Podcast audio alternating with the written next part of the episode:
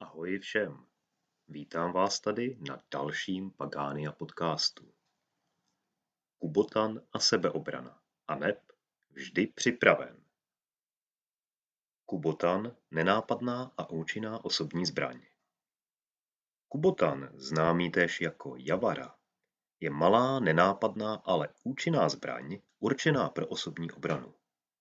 Její výhodou je, že nepůsobí ani fatální, ani závažná zranění a její použití není nijak omezeno. Může být s vámi kdekoliv a kdykoliv. Materiálem pro výrobu je obvykle kov, plast nebo dřevo. Kubotany se používají již od středověku. Moderní podobu tohoto nástroje představil Japonec Takayuki Kubota v 60. letech 20. století, původně pro policejní síly. V asijských zemích patří kubotany dodnes k povinné standardní výbavě policistů. Tvar kubotanu připomíná delší tušku o šířce přibližně palce. Při uchopení do sevřené pěsti bude přečnívat na obou stranách zhruba o 2-3 cm. To znamená, že při šířce dlaně, dejme tomu 10 cm, je ideální délka kubotanu nějakých 14 až 16 cm. Správné použití kubotanu je následující. Uchopíme kubotan do sevřené pěsti tak, aby po obou stranách vyčníval. Už samo toto uchopení nám spevní pěst. Dále používáme jeden nebo druhý vyčnívající konec kubotanu při kladivových úderech. Údery jsou vedeny buď ze stran, trochu jako forehand a backhand v tenise, anebo údery vedeme po přímce. Jak správně používat kubotan? Při použití míříme na citlivá místa, zejména krk z obou stran a nebo přímo na krční jamku, dále obličej, tedy tváře, oči. Pokud nás útočník drží, cílíme protiútok na rozkrok, stehna, ruce, břicho a podobně. Výsledkem použití kubotanu je větší než velká dávka bolesti. Samozřejmě, abychom kubotan mohli včas a správně použít, musíme ji nosit tak, abychom se k němu vždy snadno a rychle dostali. Ideálně tedy v kapse kalhot nebo bundy. Místo nošení kubotanu si napevno určíme a nikdy jej neměníme. Pokud máme kubotan zahrabaný někde pod hromadou dalších věcí v batohu nebo v kabelce, je nám v případě konfliktu asi stejně platný jako koupelnová kachnička. Kubotan vždy sebou, vždy připraven. Pokud je vyroben z nekovových materiálů, není problém mít jej doopravdy vždy sebou, ať už se jedná o letiště nebo jiné oblasti se zvláštním režimem.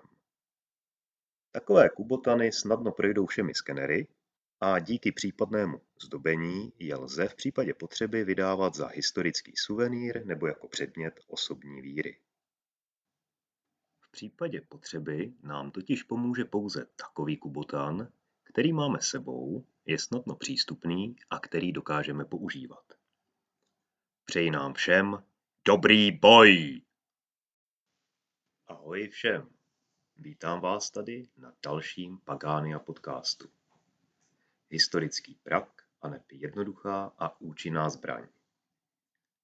Vrhací prak a jeho historie Vrhací prak, zvaný též pastýřský prak, znají lidé již několik tisíc let. Své místo měli již v pravěku, pak v armádách starověkých říší, mezi indiány i ve středověku. A na mnoha místech je běžnou zbraní dodnes. Na základní výcvik nám stačí 15 až 30 minut a pak už to tam můžeme sázet. Ve své podstatě se jedná o velmi primitivní a přitom maximálně účinnou zbraň, která v mnohém konkurovala lučišníkům a dalším specializovaným bojovníkům na větší vzdálenost. Její výhodou je daleký dostřel, to znamená relativně mířený asi do 15 metrů, maximální pak bez větších problémů atakuje hranice 150 i 200 metrů. Dále jeho snadná výroba a jednoduché opravy. Pro výrobu stačí obdélníkový kus kůže či pitelné látky nebo jiný podobný materiál, o rozměrech zhruba 20 x 5 cm, k jehož koncům jsou přivázány šňůry o délce zhruba metr. Na kůži vložíme střelu, obvykle kámen. Obě šňůry držíme v jedné ruce, roztočíme vedle těla a v ten správný okamžik šňůry pouštíme. Všechny části praku se dají snadno nahradit nebo opravit v případě opotřebení. A přesně tohle jsou i důvody, proč je používán i dnes. Prak a správná munice, a neb čím vrhat. S municí si také není třeba příliš lámat hlavu. Kamení. Kamení je totiž všude dost. Nejlepší jsou mírně oválné oblásky o velikosti 6 až 10 cm. Kde nebylo kamení, používal se jíl. Jílové střely se před použitím vypálily anebo se střely odlévaly z olova. Ve starověkém Římu se na ně potérila doporučení typu chytej, zkus tuhle nebo dej si chutnat. Techniky házení a vrhání Jakmile si člověk osvojí techniku hodu, není moc co řešit. A pak to tam pereme, co to dá. Techniky hodu jsou v zásadě tři. Nejpřesnější hod, kdy roztáčíme horem, tedy prak roztočíme zlehka vedle těla, směr ze zhora, dopředu, dolů, dozadu a nahoru, a střelu vypouštíme v okamžiku, kdy je prak nejvýše, přibližně v úrovni hlavy. Střela letí po přímce přímo před nás, zhruba v úrovni obličeje. Přesný mířený dostřel je asi 10-15 metrů. Pravděpodobně tímto hodem sejmul David Goliáše. Dále vysoký hod, tedy padá listí. Tentokrát roztáčíme spodem. Prak opět roztočíme zlehka vedle těla, ale obráceně, směrem ze spoda dopředu, nahoru, dozadu a dolů. Střelu vypouštíme v okamžiku, kdy je prak nejníže a začíná stoupat. Výsledkem je střela, která vyletí extrémně vysoko a dopadá na nepřátele ze zhora, jakoby přímo z nebes. Obtížně se tedy před ní kryje štíty. Vlastně takový podzim, kdy nepadá listí, ale kamení. Dostřel tímto způsobem je zhruba 40 až 70 metrů. Nejsilnější hod, zvaný manhunt. Při tomto hodu prak roztočíme zlehka nad hlavou a pak švihneme šikmo přímo před sebe. Při tomto švihu uvolníme šňůru praku a střela letí mírným obloukem přímo před nás. Tímto způsobem také dostřelíme nejdále. Budeme hravě atakovat hranice daleko přes 100 metrů. V případě použití olověných střel i více. Použití praku v praxi Hody 2 a 3 se uplatňovaly na větší vzdálenosti proti armádám a sevřeným šikům nepřátel. Padni komu padni. Hody typu 1 pak na blízkou a střední vzdálenost a zpravidla poté následoval rychlý ústup pod ochranu vlastní armády. Pro začátek je ideální zastřílet prak na otevřeném terénu, poli, louce a podobně, kde je jistota, že tak do 100 do 200 metrů kolem nás není nic a nikdo, čemu a komu by námi vržený kámen znepříjemnil den. Velmi motivující je pak střílet tímto prakem z kopce, kdy máme krásný výhled na celou dráhu střely. V tomto případě atakujeme skutečně vzdálenosti 100, 150, 200 i více metrů. A pokud se nás takto sejde více, je zábava zaručena. Video s ukázkami všech tří hodů naleznete na našem YouTubeovém kanálu Pagánia. Přeji vám všem dostatek kamení a dobrou mušku. Ahoj všem! Vítám vás tady na dalším Pagánia podcastu. Přírodní chůze a barefoot. Chůze na boso. Přirozený pohyb nohy. Nejlépe je noze při chůzi na boso, ale jak praví klasik, kdo z vás to má? Chůze na boso navíc dává smysl pouze v přírodním terénu. Les, louka, pěšina a podobně. Svaly stehen a lítek se tím přirozeně posilují a masírují se také tlakové body na plosce chodidel. Nohy větrají a vůbec je jim božsky. Touto chůzí se posilují svalové úpony kolem kotníku a kolene a naše vazy se udržují pevné a pružné. Vzniká přirozený, plynulý, jakoby zvířecí pohyb. Chůze v moderních botách. Natvrdo.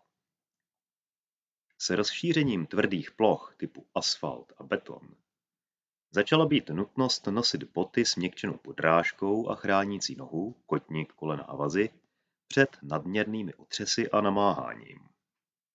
To znamená, že nohy chráníme před přesně tím, co jsme sami vytvořili.